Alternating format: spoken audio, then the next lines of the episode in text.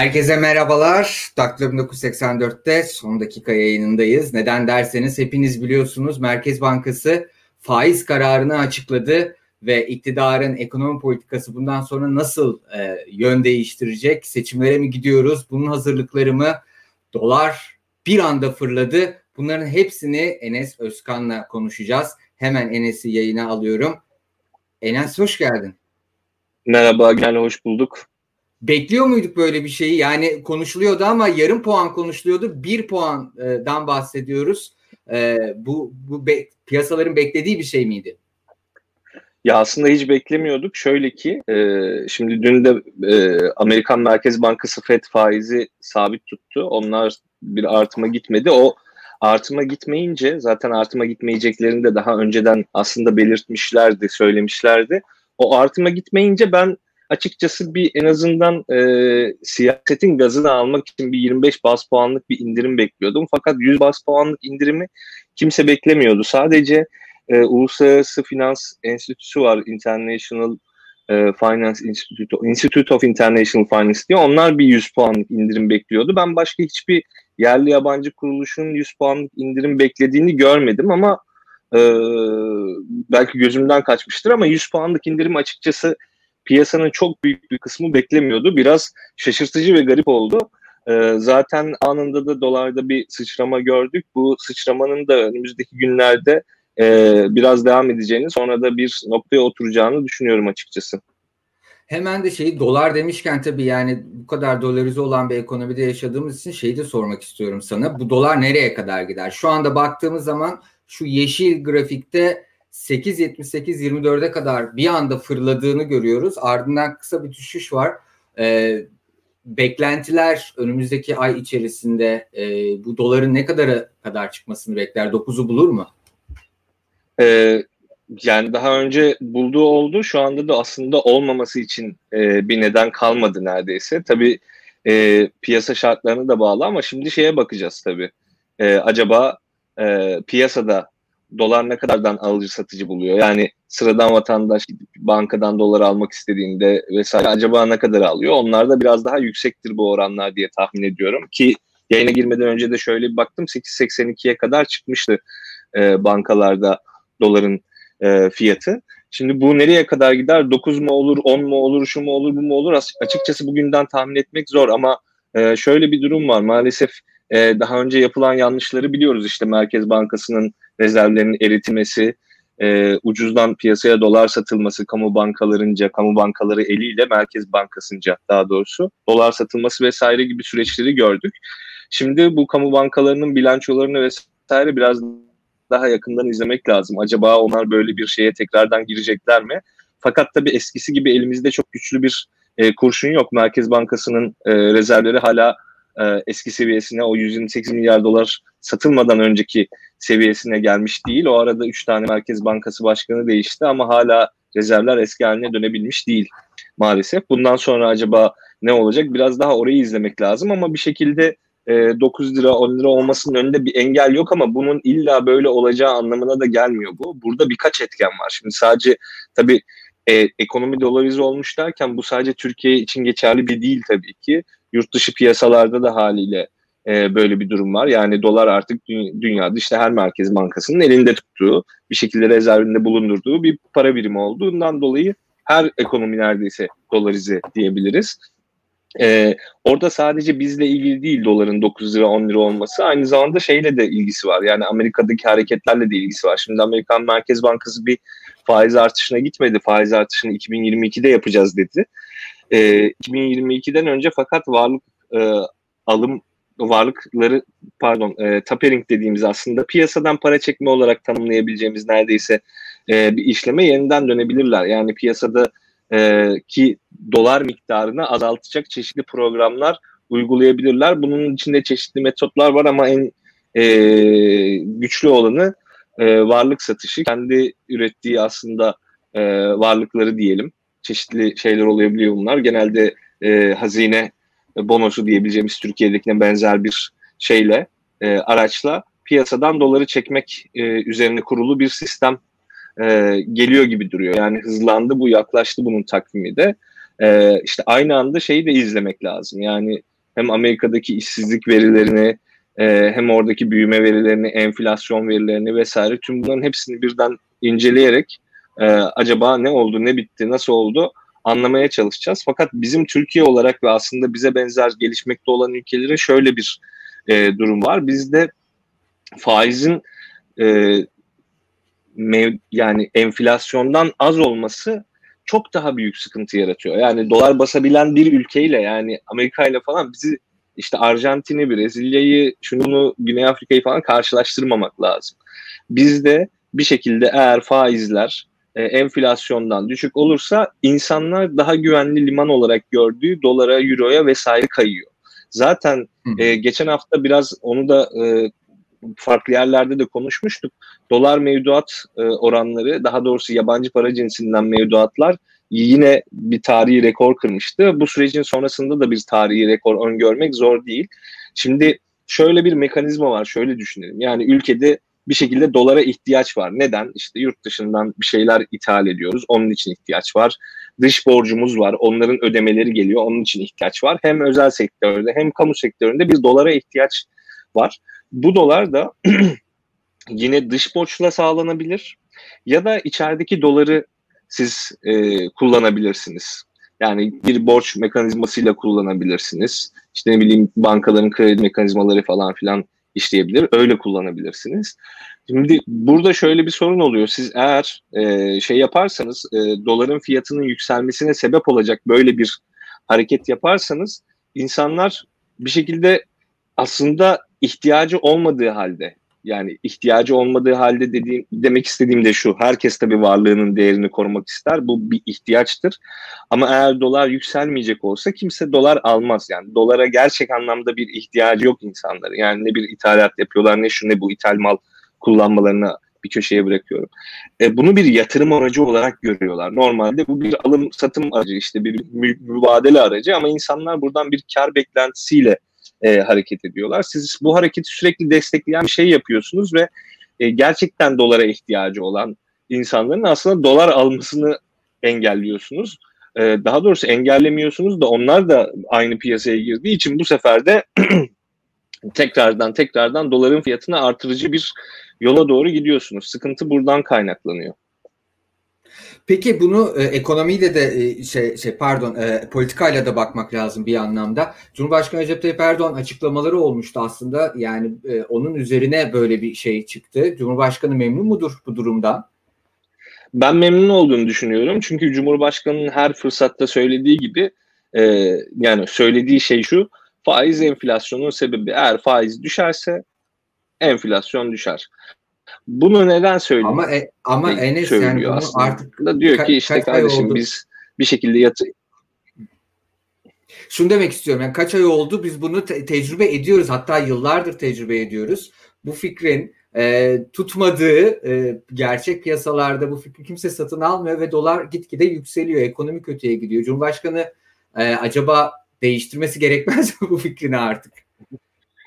E, Cumhurbaşkanı'nın bu fikrini çok uzun süre önce değiştirmesi gerekirdi ama tabii bir fikrin değişmesi için e, gerekli olan askeri şartları e, konuşmak lazım. Yani burada artık siyaset de bir şekilde devreden çıkıyor. Yani rasyonel insan davranışı e, konusunu biraz daha konuşmamız gerekiyor. Yani eğer bir fikir yanlışsa aynı şeyleri deneyerek farklı sonuçlara ulaşamıyorsanız yine e, istemediğiniz sonuçlara ulaşıyorsanız o zaman e, bu fikri değiştirmeniz gerekir. Ama bu, bu tabii senin, benim ya da işte bizi izleyenlerin birçoğu için geçerli. Eğer e, çok e, ne derler e, rasyonel bir bakış açınız yoksa veya işte verileri yanlış okuyorsanız, eldeki veriler yanlışsa veya siz yanlış okuyorsanız o zaman e, bu fikrinizi değiştirmeniz için e, bir sebep kalmıyor.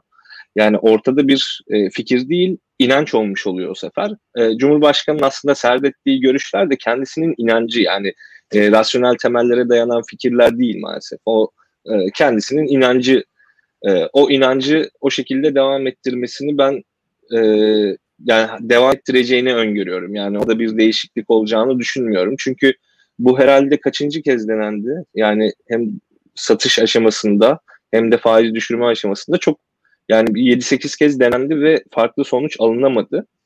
E, doların düştüğü zamanlar oldukça Cumhurbaşkanı bu, görüşlerini daha güçlü serdetmeye başladı. Ama tabii doların düştüğü zamanlarda yine bizle ilgili değildi. Yani bizim dolara ihtiyacımızın azaldığından falan dolayı değildi. Amerikan Merkez Bankası e, parasal genişlemeye gidince piyasadaki dolar miktarı artınca doların fiyatı ucuzladı. Onun için bizde de dolar düştü. Ama o kendi görüşlerine biraz e, yonttu bu meseleyi. Fakat öyle olmadığı çok aşikar yani. Bunu artık ne bileyim yani kaç kere konuşacağız, ne kadar konuşacağız, kendisine de kaç kere anlatılacak bunu illa e, yani birileri anlatıyordur, anlatmıştır. En son Naci Abal'ın bu konu üzerine kendisiyle e, görüştüğü de açıkçası söyleniyordu. Ama Naci Abal'ın akıbetini e, görüyoruz.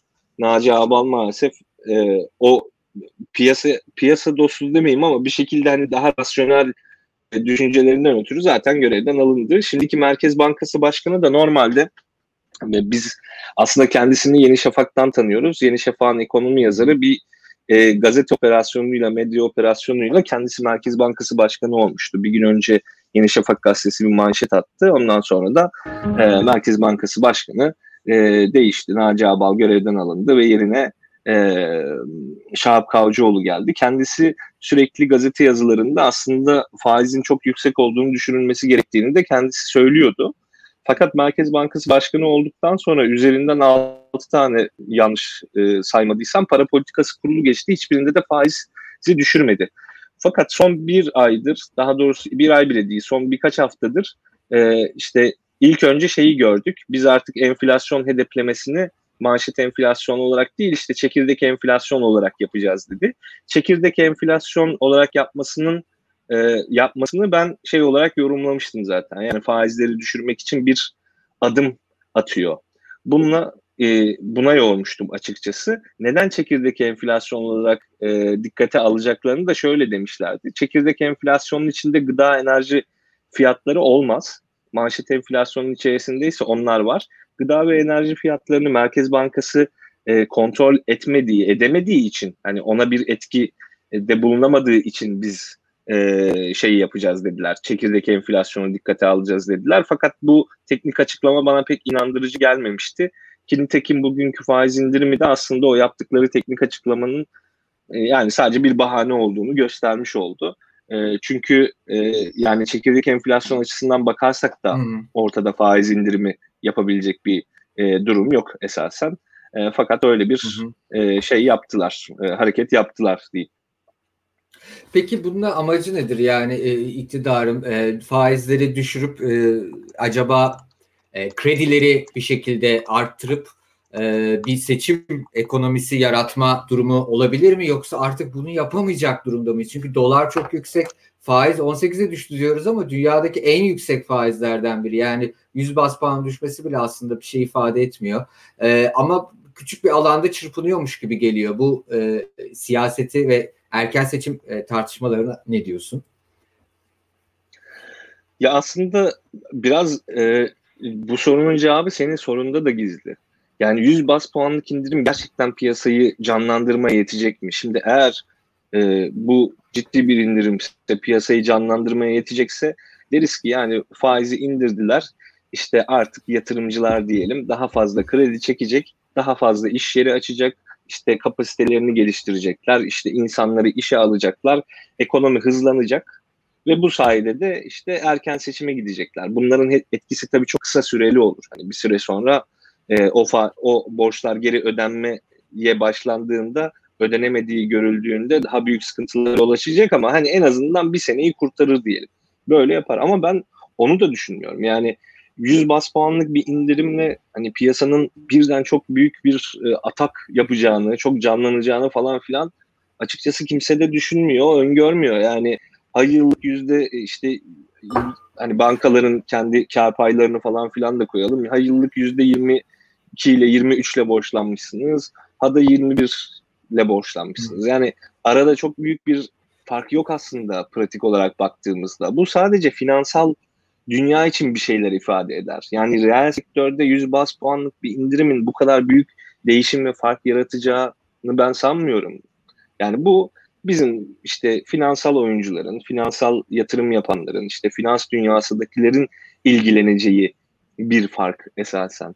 Yoksa e, siz bankaya gittiğinizde yani 100 bin liralık bir kredi çektiğinizde yüzde birlik bir faiz indirimi yani yıllık yüzde birlik, birlik bir faiz indirimi sizin için çok bir anlam ifade etmeyecektir. Ya da bir trilyonluk bir kredi çektiğinizde bile bir anlam ifade etmeyecek. Bu sadece aslında forex piyasalarında vesaire e, işlem yapanlar için büyük bir fark ifade eder. Yoksa reel sektör için ben dediğim gibi yani bir şeylerin değişebileceğini pek düşünmüyorum. Onun için bir erken seçim e, ve yol açacak kadar bir ekonomik canlanmayı sağlayabileceğini hiç düşünmüyorum.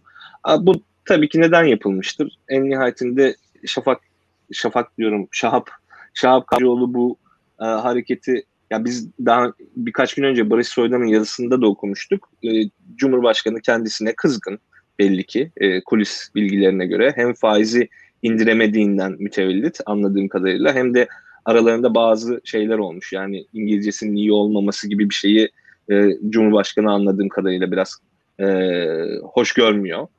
E, şimdi bu durumlardan dolayı biraz Cumhurbaşkanı'nın gönlünü alma e, gibi bir şey mi yapıyor acaba diye insan düşünmüyor değil. E, işler tabii ne raddeye gider, nasıl olur? E, yani bu Merkez Bankası Başkanı da e, bu faizi indirdi ama enflasyonu indiremedi diye görevden alınır mı, alınmaz mı onu bilmiyorum ama e, 100 bas puanlık bir faiz indiriminin tekrar sorunun başına dönersek reel sektör açısından hmm. böyle müthiş bir etki yapabileceğini pek düşünmüyor. Peki son dönemde şunu yaşadık. Berat Albayrak'la birlikte ekonomi yönetiminde enteresan bir şekilde bir git geldiler devamlı bir adam değiştirme, Merkez Bankası'nın başını değiştirme, başkanı değiştirme gibi olaylar var. Senin de dediğin gibi. Ee, Şahap e, Avcıoğlu gider mi, gitmez mi? Ee, acaba Cumhurbaşkanı Recep Tayyip Erdoğan geldikten sonra bir gece yarısı yine biz yayın yapar mıyız Enes e, yeni e, Merkez Bankası Başkanı diye gecenin birinde? Ben şimdiden düşünmeye evet. başladım. Her Merkez Bankası değiş, başkanı değiştiğinde senle hızlıca yayına giriyorduk farklı YouTube kanallarından. Bu sefer bizim Daktilo 1984'ten yayına giriyoruz. Yine yine gireriz diye düşünüyorum açıkçası ama tabii e, bu bugün mü olacak, yarın mı olacak? Yani ya da olur mu Cumhurbaşkanının gazı alınır mı açıkçası şu faiz indirimiyle? E, bunlara biraz bakmak lazım tabii. Evet, TÜSİAD'dan bir açıklama geldi. E, 14.32. E, TÜSİAD Başkanı diyor ki fiyat istikrarının yolu fiyatlara müdahaleyle değil öngörülebilir politikayla olmalı diyor. Başkan e, Kaslovski. E, bunu da Bursa'da katıldığı, biraz önce katıldığı bir e, online topla çevrim içi bir etkinlikte e, açıklamış. İş dünyası nasıl bakıyor? Yani e, yeter artık diyorlar mı? Ne dersin? Ya işin şöyle bir garip yönü var. Bu arada Can Serkan Ayhan yazmış. Sen Şahap Avcıoğlu dedin ya Kavcıoğlu olacak. Onu uyarıyor. Ay, pardon. Evet. Ya çok Faizleri hızlı değiştikleri için çok özür dilerim. Faizleri düşün. Değil mi? Belki yarın Şahap Avcıoğlu gelebilir belli de olmaz. ya şimdi Kaslovski'nin e, yazısını daha doğrusu konuşmasını şöyle yorumlamak lazım. Yani burada iki şeyi söylüyor aslında Simon Kaslovski. Bir e, yani gidip işte zabıta yoluyla, kolluk kuvvetleri yoluyla fiyatları düşürmeye çalışmayın. Sonuçta bunun etkisi çok kısa süreli olur. Hatta neredeyse hiç olmaz. Bir bunu söylüyor. İki de faiz indirimine aslında vurgu yapıyor. Şimdi herkesin kafasında şu var tabii. Faizler indirilirse TÜSİAD'ıdır, MÜSİAD'ıdır, şusudur, busudur. Hepsi e, deli gibi işte daha ucuza kredi çekip işte güzel güzel yatırımlarını falan filan yaparlar ve e, paralarını daha da büyütürler. Halbuki işin ya kazın ayağı tam öyle değil. Şimdi siz Türkiye hali hazırda çok ciddi bir şekilde ithalatı olan bir ülke çok ciddi bir şekilde ithalat yapıyor. Şimdi burada bir yatırım yapacağınız zaman yatırım mallarının aslında içinde çok büyük oranda ithal girdi de var. O ithal girdinin fiyatı artıyor. Yani sizin ucuza kredi çekmenizin bir anlamı kalmıyor. İşin ihracata yönelik bir tarafı var. O biraz daha pozitif görünüyor sermayedar açısından. Fiyatlar düşünce yani TL dolara karşı değer kaybederse e, haliyle Türk lirasının cinsinden üretilen malların fiyatı da ucuzlayacağı için e, yurt dışına daha fazla ihracat yapabilme imkanı doğacak. Bu sermayeler açısından olumlu ama bunun bir sınırı var. Bu nereye kadar gidebilir diye baktığımızda aslında TÜSİAD'ın yavaş yavaş bu sınıra gelindiğini e, ifade ediyor. Yani üstü örtülü bir şekilde. Çünkü siz bir süre sonra e, yani isterseniz o zaman ihracatı artıralım diye faizi sıfırlayın. Dolar 100 lira olsun Herkes işte e, sıfır faizle kredi çeksin, habire parayı da basın. Türk lirası çoğalsın çoğalsın. E, ama bu nereye kadar devam edebilir? Böyle bir şey mümkün mü yani? Hani bedavadan para bas dağıt. Hı-hı. O bedava paranın değeri sürekli düşeceği için bir süre sonra işçi maaşlarına da yansıyacak. Bu hatırlıyorsanız yani Türkiye bir hatta dünya bir hiperenflasyon döneminden geçmişti 90'larda. 90'larda buna benzer çok şey olmuştu. O 90'ları hatırlayan güçlü kurumlar var Türkiye'de. O güçlü kurumlar faizin faizle bu kadar dengesiz bir şekilde oynamanın mantıklı olmadığını düşünüyorlar. Şimdi faiz düşürmek çok iyi bir şey. Yani keşke faizler hakikaten çok iyi, düşük olsa. Ama enflasyon düşük olduğu zaman iyi bir şey. Enflasyon düşük olsun, faiz de düşük olsun. Evet biz de gidelim hakikaten ihtiyacı olan insanlar ev almak için, araba almak için, yatırım yapmak için kredi falan çeksinler. Ama siz e, yapay olarak bunu düşürdüğünüzde bir süre sonra aslında tüm ülkedeki vatandaşlara zarar verir hale geliyorsunuz. İşte ondan sonra şeyleri görüyoruz biz. Bir iPhone almak için bir Türk işte kaç gün çalışmalı, bir Danimarkalı kaç gün çalışmalı, bir Romanyalı kaç gün çalışmalı.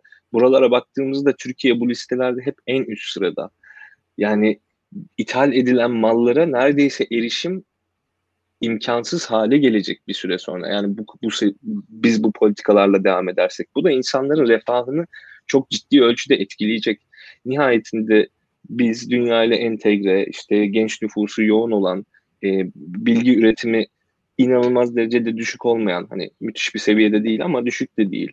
E, yüksek teknolojiyle ürün üretmeye çalışan, bunları ihraç etmeye çalışan bir ülkeyiz ve dünya ile entegre olabilmemiz için bir şekilde bu ithalat ihracat dengesinde bir şeyi tutturabilmeliyiz dengeyi tutturabilmeliyiz. Yani ülkedeki insanların hmm. ithal mallara ulaşımını bu kadar zorlaştırırsanız bir süre sonra siz bu malları da yurt içinde üretemeyeceğiniz için sıkıntı olacak. Peki Çin bunu nasıl yaptı diye bir soru geliyor akıllara. Hep Çin nasıl işte kendi içinde üretti bu malları da işte bir şekilde devalüe ede ede parasını e, dünyada var olmaya başladı. Çin'in şöyle bir avantajı var. Çin bir ürün çıkardığında elinin altında bir milyarı aşan, bir buçuk milyara neredeyse yaklaşan bir nüfus var ve onlara aslında bu malı üretiyor. Orada bir ölçek var, büyük bir ölçek var. Bizde bir şeyin argesinin yapılıp e, onun da feasible e, yani ne, karlı diyebileceğimiz bir seviyeye gelmesi için gerekli olan ölçeğe sahip değiliz. Biz o kadar büyük bir ülke değiliz. Tamam küçük bir ülkede değiliz nüfus olarak ama o kadar büyük bir ülkede değiliz ve o üretilen Türkiye'de yüksek teknolojide üretilen malların, yüksek katma değerli üretilen malların hepsinin bir şekilde yurt dışına da pazarlanabilir olması lazım. O noktada sıkıntı yaşıyoruz. Bu yüksek teknolojiyi üretmek için de yine yüksek teknolojili ürün veya know-how ithal etmemiz gerekiyor bir şekilde. Yoksa var olamıyoruz o piyasalarda. Tüm bu sıkıntıları göz önüne alıp bir dengeye e, e, oturtmamız lazım ki vatandaşı koruyalım. Şu hareketler bence vatandaşı hiç koruyan hareketler değil. Evet şimdi e, A Haber, A Para bir e, haber bir yayın yapmış, bir e, anons etmiş. Merkez Bankası Başkanı işte Şahap Kavcıoğlu 28 Eylül 2020'de finansın geleceği zirvesinde konuşacakmış. E, herhalde bir açıklama getirecek ve bundan sonraki şey bir durumu kontrol etmeye mi çalışacak? Gerçi 5 günlük bir süre var ama bunu şimdi paylaşılması herhalde e, onu işaret ediyor değil mi A, A para tarafından? A para e, da işte aslında şey gibi e, yani Merkez Bankası gibi Cumhurbaşkanlığı gibi irrasyonel şeyleri olan bir kurum. E, sonuçta siyasete bağımlı bir şekilde hareket ediyor yayın politikası falan. Onun için ne için paylaştığını bilmiyorum ama en nihayetinde gündem, gündemdeyken bir şekilde belki de fazla görünsün diye paylaşmışlardır. Yani 5 güne kadar eğer Türkiye'de finansın bir geleceği kalırsa Şahap Kavcıoğlu'ndan tabii güzel, güzel açıklamalar bekleriz. Ya şimdi inanılmaz hani Kendisi şey de kal kalır tabii belki kendisi de kalmaz. Hani ama tabii profesör olduğu için yine de o zirveye katılmayı hak etmiş bir e, insan olarak gene de gidebilir bilmiyorum. ya işin şeyi şu hani şakası bir yana veya böyle çok aşırı kötümser olmak vesaire de istemiyorum ama yani işte dolar 10 lira olacak 15 lira olacak bu tarz şeyleri zaten hani e, yapan birisi değilim ama siz bunun yolunu açıyorsunuz bu tarz hareketler yaparak. Yani evet Türkiye'de dolar 15 lira olmaz ama doların 15 lira olması için yapılması gereken ne varsa onu yapıyorlar. Evet dolar Türkiye'de 15 lira olmaz ama ne varsa biz yapalım da bu 15 lira olsun diye hareket etsek sanırım böyle şeyler yaparız. Şimdi Kaslovski'nin açıklamasına geri dönersek oradaki bir e, cümle önemliydi. E, o ne diyordu orada? Öngörülebilir politikalarla yapılması lazım tüm bunların. Yani olayın özü bu zaten. Siz sürekli öngörülemeyen hareketler yapıyorsunuz. Hani yayının başında sen bana sormuştun ya işte bu 100 e, bas puanlık indirimi kimse beklemiyordu diye. Evet kimse beklemiyordu ve bunu yaptınız. Yarın bir gün 200 yani bir sonraki para politikası kurulunda 200 bas puanlık artış yapılabilir mi diye sorsan mesela sen bana. Mümkün değil yapılmaz derim ama yaparlarsa ona da şaşırmam. Yani işin garip yönü bu. Yani sürekli beklenmedik, öngörülemedik hamleler, hareketler yapıyoruz. Cumhurbaşkanının tüm açıklamaları bu öngörülemezliği destekliyor. Merkez Bankası'nın hareketleri öngörülemezliği destekliyor. Hükümet üyelerinin diğer açıklamaları öngörülemezliği destekliyor. Ee, işte Birleşmiş Milletler Zirvesi'ne gidip Türk binası açıp orada işte Moğolistan Cumhurbaşkanı ile falan filan zirveler yapmak, ikili görüşmeler yapmak tüm bu şeyleri destekliyor. Yani siz bir şekilde normalde olması gereken her şeyin tam tersini yapıyorsunuz. Yani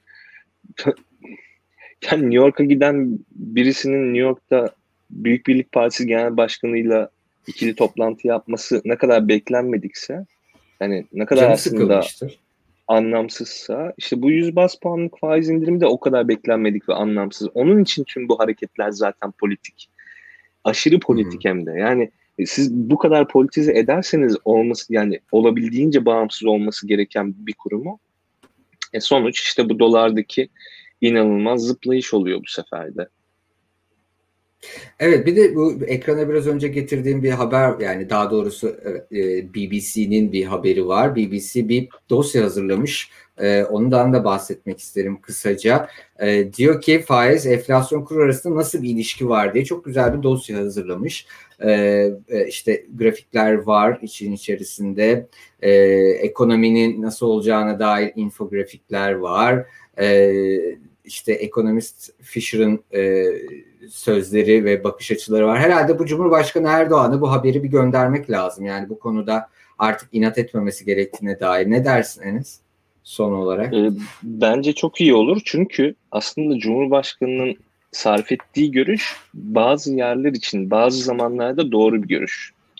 İşte Fisher da aslında ondan hmm. bahsediyor. Haberin içinde Fisher'da geçiyor ya. Ama hmm. bu tek görüş değil ve aslında çok kısıtlı zamanlar ve kısıtlı mekanlar için doğru olan bir görüş. İşte Cumhurbaşkanı'na sanırım birisi bir şekilde Fisher'dan bahsetmiş. Tamam mı? Hani nasıl olur, nasıl biter bilmemiş. Yani önünü sonunu e, bilmiyor sanırım. Onun da kendi inançları gereği hem işte faizle ilgili e, belki dünya görüşü e, e, ve işte aslında e, ekonomi mezunuyum falan da diyor ama herhalde e, sadece Fisher'ı gördü e, iktisada giriş veya işte para politikası, para teorisi derslerinde. O süreçlerde işte bir şekilde zihninde yer ettiğini düşünüyorum ben bu neo, neo Fisheryan diyebileceğimiz görüşlerin ve e, onun üzerine gidiyor. Onun için bu yazı önemli yani hem e, Cumhurbaşkanı sarf ettiği görüşle ilgili şeyler var hem de aslında e, bizim için bunun neden geçerli olmadığını, olamadığına ilişkin şeyler de var o yazıya da arkadaşlar bir göz atabilir bence. Peki Enes e, çok teşekkür ederim. Sanırım e, izlemeye devam edeceğiz biz. Cumhurbaşkanı gelince e, Amerika'dan nasıl bir açıklama yapacak? E, piyasalar ne tepki verecek? İlk tepkisini paylaştık. Önümüzdeki günlerde ne olacak? Senin de zamanın olursa bu son dakika yayınlarına e, ekonomi konusuna da devam edelim diyorum. Son cümlelerim varsa onu da alayım ve yavaş yavaş kapatalım. Yok çok teşekkür ederim. Ee, senin buraya transfer olduğundan haberi olmayan arkadaşlar varmış. Günel gündem oldukça böyle böyle işte e, biz de hızlıca yayına girip yayınlar yapacak ara ara. Biz de yani evet. yine konuk oluruz. Senin de burada olmandan dolayı çok mutluyum. Çok teşekkürler beni de ağırladığın için. Ne demek ben teşekkür ederim. Beraber yayın yapmak her zaman olduğu gibi çok zevkli. Ve Daktilo'da olmak da e, aynı şekilde çok güzel. Çok teşekkür ederim Enes Özkan. Görüşmek üzere. Görüşürüz. Enes'i gönderdik, ekonomiye baktık. Cumhurbaşkanı ABD'de gitmeden önce faizle ilgili e, açıklamalarda bulunmuştu ve o yokken gördüğünüz gibi e, Merkez Bankası kararını aldı ve ekonomi dengeleri bakalım bundan sonra nasıl gelişecek? Biz Daktilo 1984 olarak bunu takip etmeye devam edeceğiz. Lütfen yayını beğenmeyi, paylaşmayı ve yorumlarınızı alta yazmayı unutmayın. Başka bir yayında görüşene dek hepinize e, iyi günler diliyorum.